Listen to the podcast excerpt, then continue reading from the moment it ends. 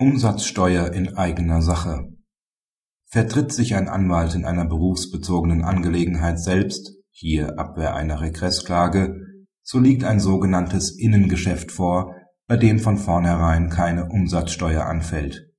Auf die Frage der Vorsteuerabzugsberechtigung im Rahmen der Kostenerstattung kommt es in diesem Fall nicht an. Die beklagten Anwälte hatten sich in einem Regressprozess selbst vertreten und nach Klageabweisung die Kostenfestsetzung betrieben. Dabei hatten sie gemäß § 91 Absatz 2 Satz 3 ZPO die fiktiven Kosten eines bevollmächtigten Rechtsanwalts zuzüglich Umsatzsteuer angemeldet. Das Gericht hat die Umsatzsteuer abgesetzt, weil ein sogenanntes Innengeschäft vorliege, bei dem erst gar keine Umsatzsteuer anfalle.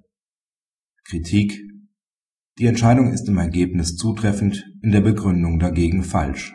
Zutreffend ist, dass die Tätigkeit eines sich selbst vertretenden Anwalts nicht umsatzsteuerpflichtig ist, weil ein sogenanntes Innengeschäft vorliegt, vorausgesetzt es handelt sich um ein betriebsbezogenes Geschäft.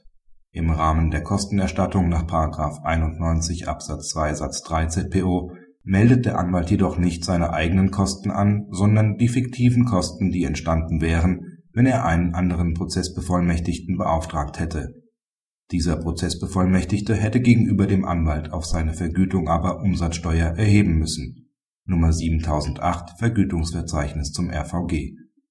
Folglich gehört die Umsatzsteuer zunächst einmal zu den Kosten, die im Rahmen des § 91 Absatz 2 Satz 3 ZPO in die Erstattung mit einfließen. Es stellt sich erst im Rahmen des § 104 Absatz 2 Satz 3 ZPO die Frage ob der Anwalt hinsichtlich der fiktiven Vergütung eines beauftragten Anwalts zum Vorsteuerabzug berechtigt wäre, was bei einem betriebsbezogenen Geschäft in der Regel der Fall gewesen wäre. Zwingend ist dies jedoch nicht, etwa wenn der Anwalt als Kleinunternehmer nicht zur Umsatzsteuer optiert.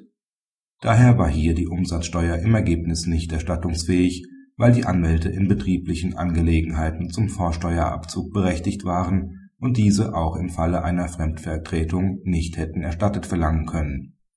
Vertritt sich der Anwalt in einer privaten Sache selbst, so liegt kein sogenanntes Eigengeschäft vor.